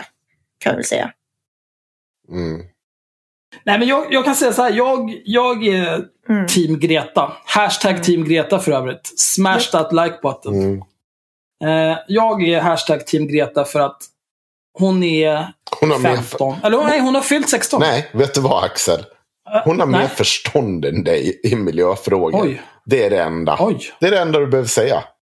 Nej, nej det, det var inte vad jag hade tänkt säga. Nej, tänkt men säga det är, så, det är ju sant. Fast jag får, jag får inte säga någonting här. Nej, okej. Nej, men jag vill, jag vill, jag vi vill motivera varför jag är team. Jag tycker att så här, jag tycker att det är skitjobbigt med snusförnuftiga barn som ska tala om hur världen borde vara. Det är det värsta jag vet. Jag kräks på sånt där. Jag kräks på att vi ska sitta och bara Greta Thunberg, istället för att man tar in en, en forskare som kan säga saker och så lyssnar folk på dem så ska det vara en gullig liten unge med flätor för att man ska lyssna. Jag hatar hatade den fördumningen av debatten. Och eh, alltså, I början så, så var jag verkligen så här, jag vill inte höra ett ord till om den här flätungen. Men, men, nu är det så här att med tanke på hur hela jävla den oanständiga högen beter sig så blir jag bara så här, nej men alltså det här är fan inte rimligt liksom. Det här är, det här är så jävla låg nivå. Och det får mig att bli Team Greta. Egentligen så skulle jag hellre slippa se henne också. Men jag tänker fan inte ta att folk håller på sådär. För det är inte, det är inte värdigt. Min Jag anledning. instämmer i mångt och mycket i din analys. Min jag anledning. tyckte också att det var extremt... Ja, men det är ingen som bryr sig om din anledning. Nu är det jag som låter. eh, jag tyckte också att det var extremt... Överlag så tycker jag att barn är skitjobbiga. De borde bara... Barn ska synas men inte höras. Men jag tycker att... Eh, dels så... Hon, hon säger ju bara samma sak som liksom 97 procent av alla så aktiva forskare på klimatförändringar säger. Det är, det är liksom inte, det är, det är inget kontroversiellt. Det är bara det att man kan leva i någon typ av drömvärld som eh, alla, alla som förnekar den analkande klimatkrisen gör. Eller så kan man acceptera verkligheten och försöka göra någonting åt det. Och jag kan respektera att någon engagerar sig så mycket eh, gratis. Mm. Det är ju det, är det här vänsterbedrägeriet. Mm. Eh, det kan jag respektera. Och sen så gillar jag också att hon skiter fullständigt i att folk håller på att bete sig extremt klandervärt mot henne, som Aron Flam Ja. till exempel. Det gillar jag. Hon har inte på att Eh, hon, hon, är liksom, hon är koncentrerad på det hon eh, är engagerad i. Hon kör bara. Ja. Det gillar jag. Och sen precis som du sa Myra, så... Alltså... Ska, ska man välja mellan ett flätbarn som försöker rädda världen eller det här jävla slöddret som Aron Flam och resten av det här äckliga jävla packet. Då... Det, Det finns ju val, bara ett liksom. anständigt val att göra i det läget. Ja, alltså antingen så tycker man att det är asnice och, och så här, ja, i princip önskar livet ur barn och kallar dem horor. Eller så tycker man inte det. Det är på den nivån det är nu. Liksom. Och, eh, vet inte. det, är- det, det är inte ens ett val. Okej, då tänker Hen- jag säga Henrik, vill du berätta din ståndpunkt? eh, eh, Min ståndpunkt var att jag eh, ett, inte är så intresserad av miljö. Jag kan inte de frågorna rent generellt och är liksom så här bla bla bla. Jag, jag såg hela Greta Thunbergs grej. Eh, och det enda som intresserade mig, eller som fick mig verkligen flippa lite på att det här var intressant, det var när hon står inför FN och säger de här sakerna som att ni är bara en bunt jävla fegisar och dittan och dattan. Men det är ju standard, det som nej, det är standard när unga sig. håller på med. Fast det är Ja, jag inte det. Det är det är sådär unga som håller på med politik alltid gör. Och Nej. för det första så är så här, hon är inte den första flätade ungen som står, ställer sig för FN och säger det här. Severin, nu kan jag inte uttala det här kanske, men Sulic Suzuki eh, deltog redan 92 eh, på Rio Summit eh, när FN pratade. Hon pratar om väldigt mycket om det som Greta pratar. Och det är uppenbart att vi inte har lyssnat. Och det intressanta här, det är när det kommer till din högläsning nu Axel. Om det här att Mm. lyssna på unga eller inte.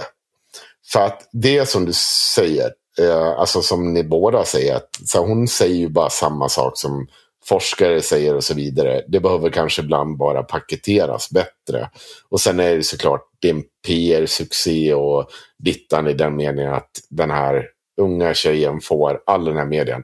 Men jag vill höra Axel läsa den här texten. Jo, men jag, jag ska lägga till det om, om det här att hon är en PR-succé bara. Eh, Axel var inne på det lite grann, det här att hon inte liksom lipar för sympati. Att så länge hon förvaltar det, alltså som, som du säger, hade hon nu gått ut och bara, ah, nu ska jag börja bli ansiktet utåt för Adidas, då kanske jag hade, då, då kommer jag, då kommer hon att tappa mitt stöd. Eh, För då, då, men nu handlar det verkligen bara om att hon, hon gör sin grej. För att hon tror på det. Och det är typiskt så här tonårsengagemang. Jag var också sådär tonårsengagerad en gång i tiden. Och det är fint liksom. Men, eh, men så länge hon förvaltar den PR-succén och gör någonting vettigt med den, då är det väl bra. Liksom. Det, Hade du fel i ditt tonårsengagemang? Jag har hört talas om ditt tonårsengagemang. Och det lät ju extremt vettigt. Nej men det är klart att jag inte hade fel. Alltså, Ja, jag, jag står ju för det. Som jag, jag säger bara att, liksom, att det finns en... Du pratar om mediokra tonåringar.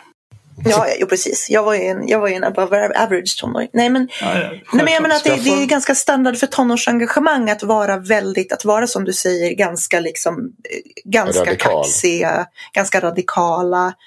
Eh, och det är någonting bra liksom. Och, men det kan men det också man- ofta utmynna i plattityder. Det hon säger är inte plattityder. Hon nej. sätter verkligen fingret. Och det var ju det, alltså hennes tal för mig, jag vet att vi har vänner gemensamt som tyckte att det var cringe och dittan och dattan.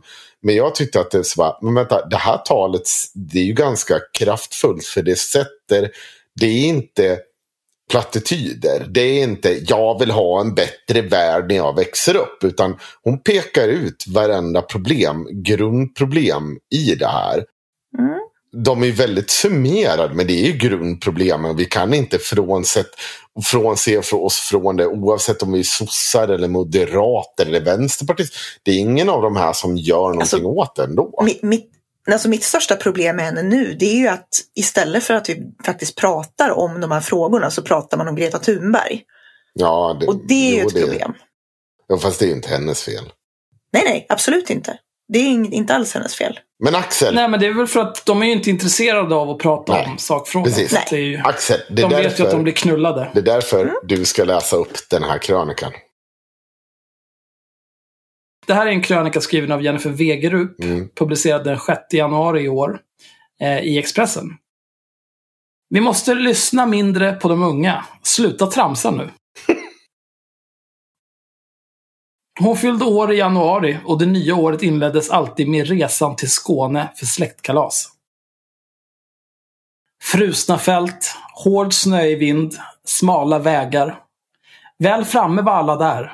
Surret av mjuk, skåns mjuk skånska. Okej. Och Simon. Spettekakan prydd med de rödgula flaggorna, landsförrädare. Det här känns som någon sorts rasism. Gamla mormor i högsätet. Danskar, det, hur, hur kan du vara rasist? De är inte ens människor. Emma Selina Hurtig, född 1903. I början av det seklet då allt hände så fort. Kanske för fort. Det var inte jättemycket som hände fort i början av 1900-talet, men okej. Eh, så mycket hon hade haft att tillföra. Nu i en tid då behovet av klokhet och erfarenhet är så stort.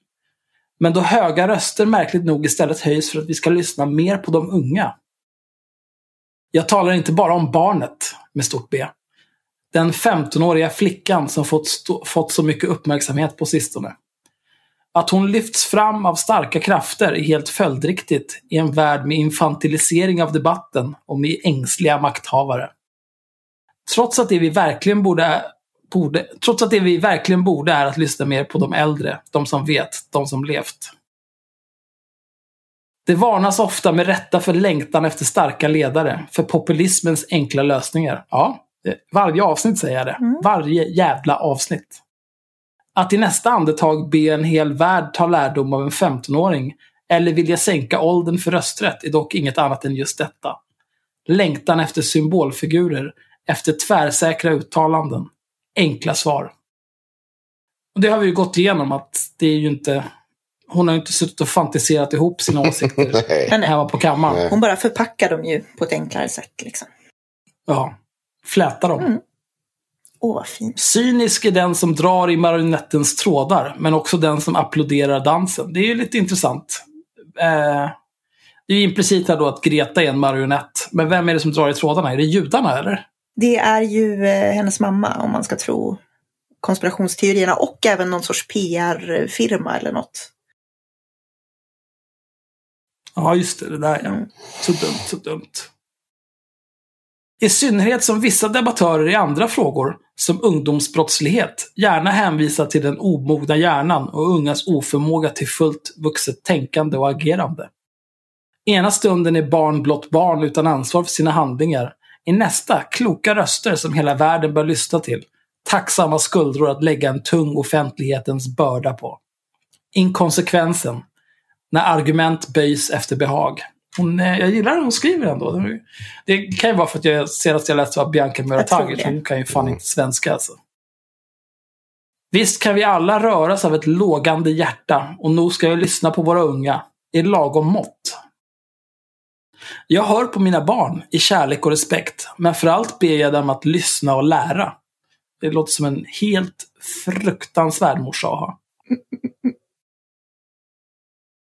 Så som jag en gång hörde på gamla mormor. Hon som hade åtta syskon och förlorade två i spanska sjukan. Som levt genom två världskrig med det ockuperade Danmark runt knuten. Hon gifte sig med muraren Ynge och födde dottern Seldis. Eller Keldis. Keldis med C. Gamla mormor tog sedan två fosterbarn till sig och drev både strykeriinrättning och spettekaksbageri. Det är klart hon gjorde det. Dansk jävel. På övervåningen i hemmet bodde farmor och farfar. Och när de arbetade fick hon sköta min pappa och faster Lena. Vila väntade hon sig inte av livet. Hennes armar var urstarka. Hennes kärlekskraft oändlig. Men bänkar hon 90 kilo som Hanif Bali? Tror inte det. Lediga små stunder broderade hon och odlade sin rosenträdgård, den ljuva. Emma Selina var med somrarna 1933 och 1947 då det var rekordhöga 38 grader varmt i Ultuna och Målilla. Hon kunde prata om perspektiv. Hon såg krigets ondska. Hon lagade stuvning på kanin under de magra åren. Vänta, stuvning, Hon var med när Sverige... vänta, stuvning på kanin låter ju fett. Och då de magra åren. Mm. Stu, kaninstuvning är väl fan fin mat. Det är inte barkbröd direkt. Nej, det är inte liksom en potatissoppa. Nej, det är ett jävla gnäll. Med bortklemade de här som föddes i början av förra seklet. Hon var med när Sveriges kvinnor kämpade sig till unik jämställdhet och frihet och var beredd att värna den och oss flickor, barnbarnsbarnen, in i döden. Jag önskar att jag lyssnat ännu mer på henne, men jag har också varit ung och självupptagen, utan vuxet ansvar, allt det som med åren tynger och binder oss. Så tog livet mig i sin famn, lät mig älska och njuta, vinna och förlora, arbeta och kämpa, sörja och lära. Det gav mig mina barn, ruskade om mig, slipade kanterna av mig. Gjorde mig starkare och klokare, men också allt mer medveten om allt jag inte vet. Allt som i unga år tycktes klart och enkelt blev mångfacetterat och svårt. Det är ungdomens privilegium att tro sig ha svaren, men det är de vuxnas plikt att försöka finna dem. Gamla mormors rosenträdgård är borta sedan länge, vissnad, skövlad. Men i mitt kök har jag några av hennes väggbonader med de broderade gudsorden och ordstäven. En stor kuk är en klen tröst i en fattig familj. Alla manar dem till hårt arbete, tacksamhet och framförallt ödmjukhet inför allt vi inte vet och förstår. Relaterade ämnen. Danmark. Är den klar nu? Ja, nu Jag vill bara säga så här, jag tycker att det finns så jävla mycket motsägelser i det. Alltså, det här skulle ju vara relevant om det var så att inte typ världens samlade forskarkår höll med Greta Thunberg. Ja, men det är ju det, det är ett tveeggat svärd att ha liksom någon typ av Jeanne d'Arc. Mm. För att visst, det är ju, hon kan ju... Hon gör säkert ett mycket bättre jobb med att engagera eh, folk i samma ålder som henne. Men samtidigt så blir det liksom, det är en gratis eh, halmgubbe. Mm. För de som inte tycker att En angre- eh, en det finns någon klimatkris. liksom. Ja. Att strategiskt bomba. Ja. Jag försökte ju, jag, jag försökte ju prata med Jennifer, vad heter hon? Väger upp. Eh, hon kom in i mitt kommentarsfält efter att jag skrivit en krönika och påtalat att hon inte ansåg att man skulle lyssna till Greta Thunberg. Att det inte fanns andra faktorer än ålder. Nej, ja, hon, det är ju det hon poängterar. Men skit samma. Hon blockerade mig direkt i alla fall. Hon skrev en bunt kommentarer, sen blockerade hon mig. Jag hann inte ens svara. Hon berättade bland annat att hon hade fått en massa bra eh, respons på sin krönika. Och då på... Ja, jag, jag påpekade också då i mitt svar i alla han publicerade att jag hoppas att de är över 15 så att det inte blir oklarheter i om man ska lyssna Så att det på räknas. Men ja, det finns ju ingen motsägelse i det här heller. Jag menar, det är väl klart att, att gamla människor har en, en, liksom en livserfarenhet och en kunskap som är värd att lyssna på. Ja. Och unga har idealismen. Liksom. Och någonstans så är det ju tanken att, att man ska kunna landa mellan de här två. Och lära sig både av den här idealismen och av kunskapen. Det är inte nödvändigtvis. Man väljer väl det man anser är bäst för tillfället. Ja, alltså, Ja, men det jag säger, du behöver ju inte, väl, du behöver inte välja att bara lyssna på de gamla eller de Nej. unga. Ja, men om man tittar så här. Hennes gamla mormor född 1903. Hon skulle varit 115 år gammal nu. Eh, och visst, hon upplevde en varm sommar där 1933 och 1947. Men eh, är det, är det intressant? Jag menar, okej, ja, du har olika anekdoter om två varma somrar, men eh, vem bryr sig om det när vi har simuleringar av vårt klimat som visar på hur det kommer bli? När vi har data miljoner år tillbaka från isen i Arktis och Antarktis av koldioxidnivåerna har legat historiskt. Vem fan bryr sig om din sommar 1933? alltså jag tvivlar inte på att hon säkert eh, visste en hel del om en hel del. Väggbonader och whatnot. Men kom igen. ja. Ja, ja, nej men, och jag menar, det, det, det finns ju faktiskt ingenting som säger att hennes, eh, att hennes mormor inte hade hållit med Greta Thunberg. Det vet ju inte hon. Just saying. Nej, nej, det är också ett jävla sätt att, att göra sig till talesperson för någon som Mm. är död. Men det är väldigt praktiskt också. För då kan man ju hitta på lite vad som helst. Ja, det är synd att hon inte var med i SVT Opinion när hon sa det här dumma. För då hade de klippt direkt. Ah, app, app, app. Nu är ju inte din gammelmormor här och kan försvara sig. Så att, eh, Åh gud vad jag hade haft kul. Det är så dumt. Det var så, ja, men och sen. Det är ju, men hela premissen är ju att. Så, ja, men då är jag gammal nog för att du ska lyssna på mig. Men du blockerar mig direkt. Vad är problemet? Mm. Är det bara Ja. att du aldrig ska lyssna på någon som är yngre än dig? Ja, då har vi ju ett problem. För att ju äldre du blir så kan det ju finnas forskare som... Ja, jag, ska, jag ska inte behöva folkbilda kring de här frågorna. och sen blir hon ju dement. Och då till ska vi fortfarande lyssna på henne när hon sitter och skriker efter sin katt som har varit död sedan 72. Och då, då blir ju Mm. det ett problem. För då, vi kan ju inte lyssna till Ja. hennes katt. Dels för att det är en katt och att den är död Nej, det sedan går 72. inte. Och det, ja. ja, I alla fall. Men, men det här är väl... Nej, jag, jag säger så här. Ha- Hade jag varit intresserad av hur man bakar spettekaka, då hade jag jättegärna pratat med gammelmormor. Men i övrigt så är jag inte så jävla intresserad faktiskt. Ja.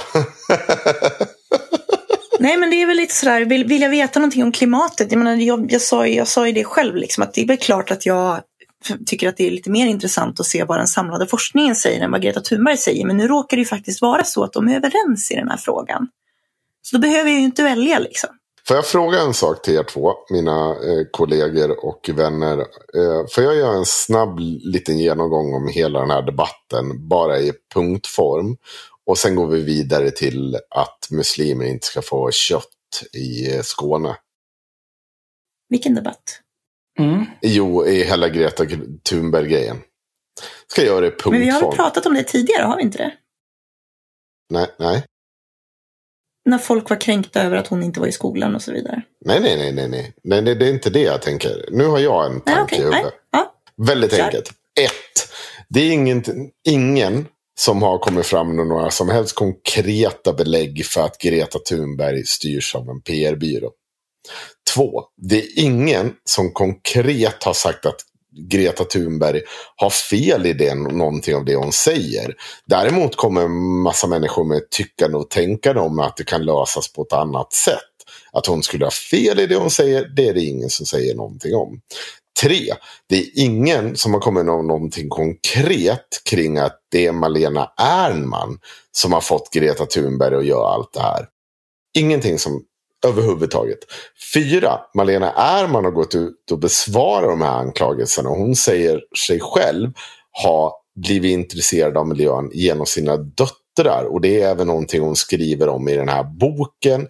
Hon berättar också väldigt öppenhjärtligt kring att idén kring en skolstrejk kommer från en eh, miljöorganisation, alltså en eh, lobbyistorganisation. Men den organisationens eh, kontaktade flera ungdomar och att de skulle göra det som en grej tillsammans. Men ingen annan hade nappa. Och Greta Thunberg hade i sin tur tagit den idén och gjort den ensam. Det är fakta vi har på bordet. Så alla de här jävla aporna som kommer att låtsas att de bryr sig om Greta Thunberg genom att påpeka hennes diagnos eller att hennes mamma styr henne. Och att man ja, bara beter sig som arslen. Det är ju, om det är någonting man ska skydda Greta Thunberg från som förälder så är det just samma jävla apor som behöver ha ett näsben mindre. Oj, du ska alltså operera bort Nej, men jag bara säger det. Jag, det är inte ett hot, utan jag bara säger att det är de personerna. Nej. Jag får lite samma känsla av det här. Alltså det är uppenbart att ingen av de här faktiskt bryr sig om Greta Thunberg, utan det här är ett omyndigförklarande av henne. Eh, jag relaterar det här oerhört mycket till eh, människor som är väldigt aktiva i eh, sexköpsdebatten. Som gärna pratar om sådana som säljer sex på exakt samma sak, sätt. Alltså att man säger Ja, ah, men de här, det var en, en debatt eller en krönika eller debattartikel var det väl egentligen. Eh, häromdagen när någon från ROX till exempel sa att vi borde höja straffen för sexköp så att de motsvarade människohandel. Och så skriver de någonstans där i texten att många som är utsatta för människohandel vet inte om själva att de är det. Eh, som ett argument då för att ja, indirekt, det som, om man inte ska ge henne världens mest välvilliga tolkning, så det hon säger är ju att väldigt många som säljer sex gör det ju utan att förstå vad de gör och att det faktiskt är klandervärt och så vidare. De vet inte bättre. Ja, och det finns ganska mycket av den retoriken bland framförallt sexnegativa feminister. Man pratar om att ja, men kvinnor som gillar BDSM, de gör det bara för att de förstår inte att det här är patriarkatet som de inte är woke nog. Och den här liksom, det finns någon sorts påstådd omsorg om eh, sådana som säljer sex eller kvinnor som håller på med BDSM eller sådär. Fast egentligen så omyndigförklarar man dem bara. Och säger att ni är liksom, jag gör det här för att jag bryr mig om er, fast egentligen vill man helst bara att de inte ska finnas. Och det är lite samma sak med Greta Thunberg, att man går in och, och försöker låtsas att man gör det av omsorg för henne. Men egentligen vill man basha Malena Ernman. Mm. Eller Greta Thunberg. Jag tycker att det är bland det vidrigaste man kan göra. Liksom, för att just att omyndigförklara människor tycker jag är eh, ganska osmakligt. Klandervärt beteende. Det är extremt klandervärt beteende. Men man gör sig också en otjänst när man gör det. För att visst, man kan appellera till de här liksom herrelösa hundarna som söker enkla lösningar på komplexa problem. Men eh, normala människor som har fungerande hjärnor, de ser de som håller på med det där för vilka de är. Mm. Extremt mm. klandervärda. Mm. Eh, så jag vet inte. Och då, till slut då blir det ju så att man har en Patreon och så tappar man hälften av pengarna man får in på det för att man hela tiden har appellerat till en grupp som är helt hjärndöd. Ja. Och som dessutom är extremt eh, mycket kappvändare. Ja. De är ju liksom jag idioter. Ja. Grinanden 24-7. Japp. Oh. Har du tyckt klart om Greta Thunberg nu? Ja, absolut. Jag har tyckt klart.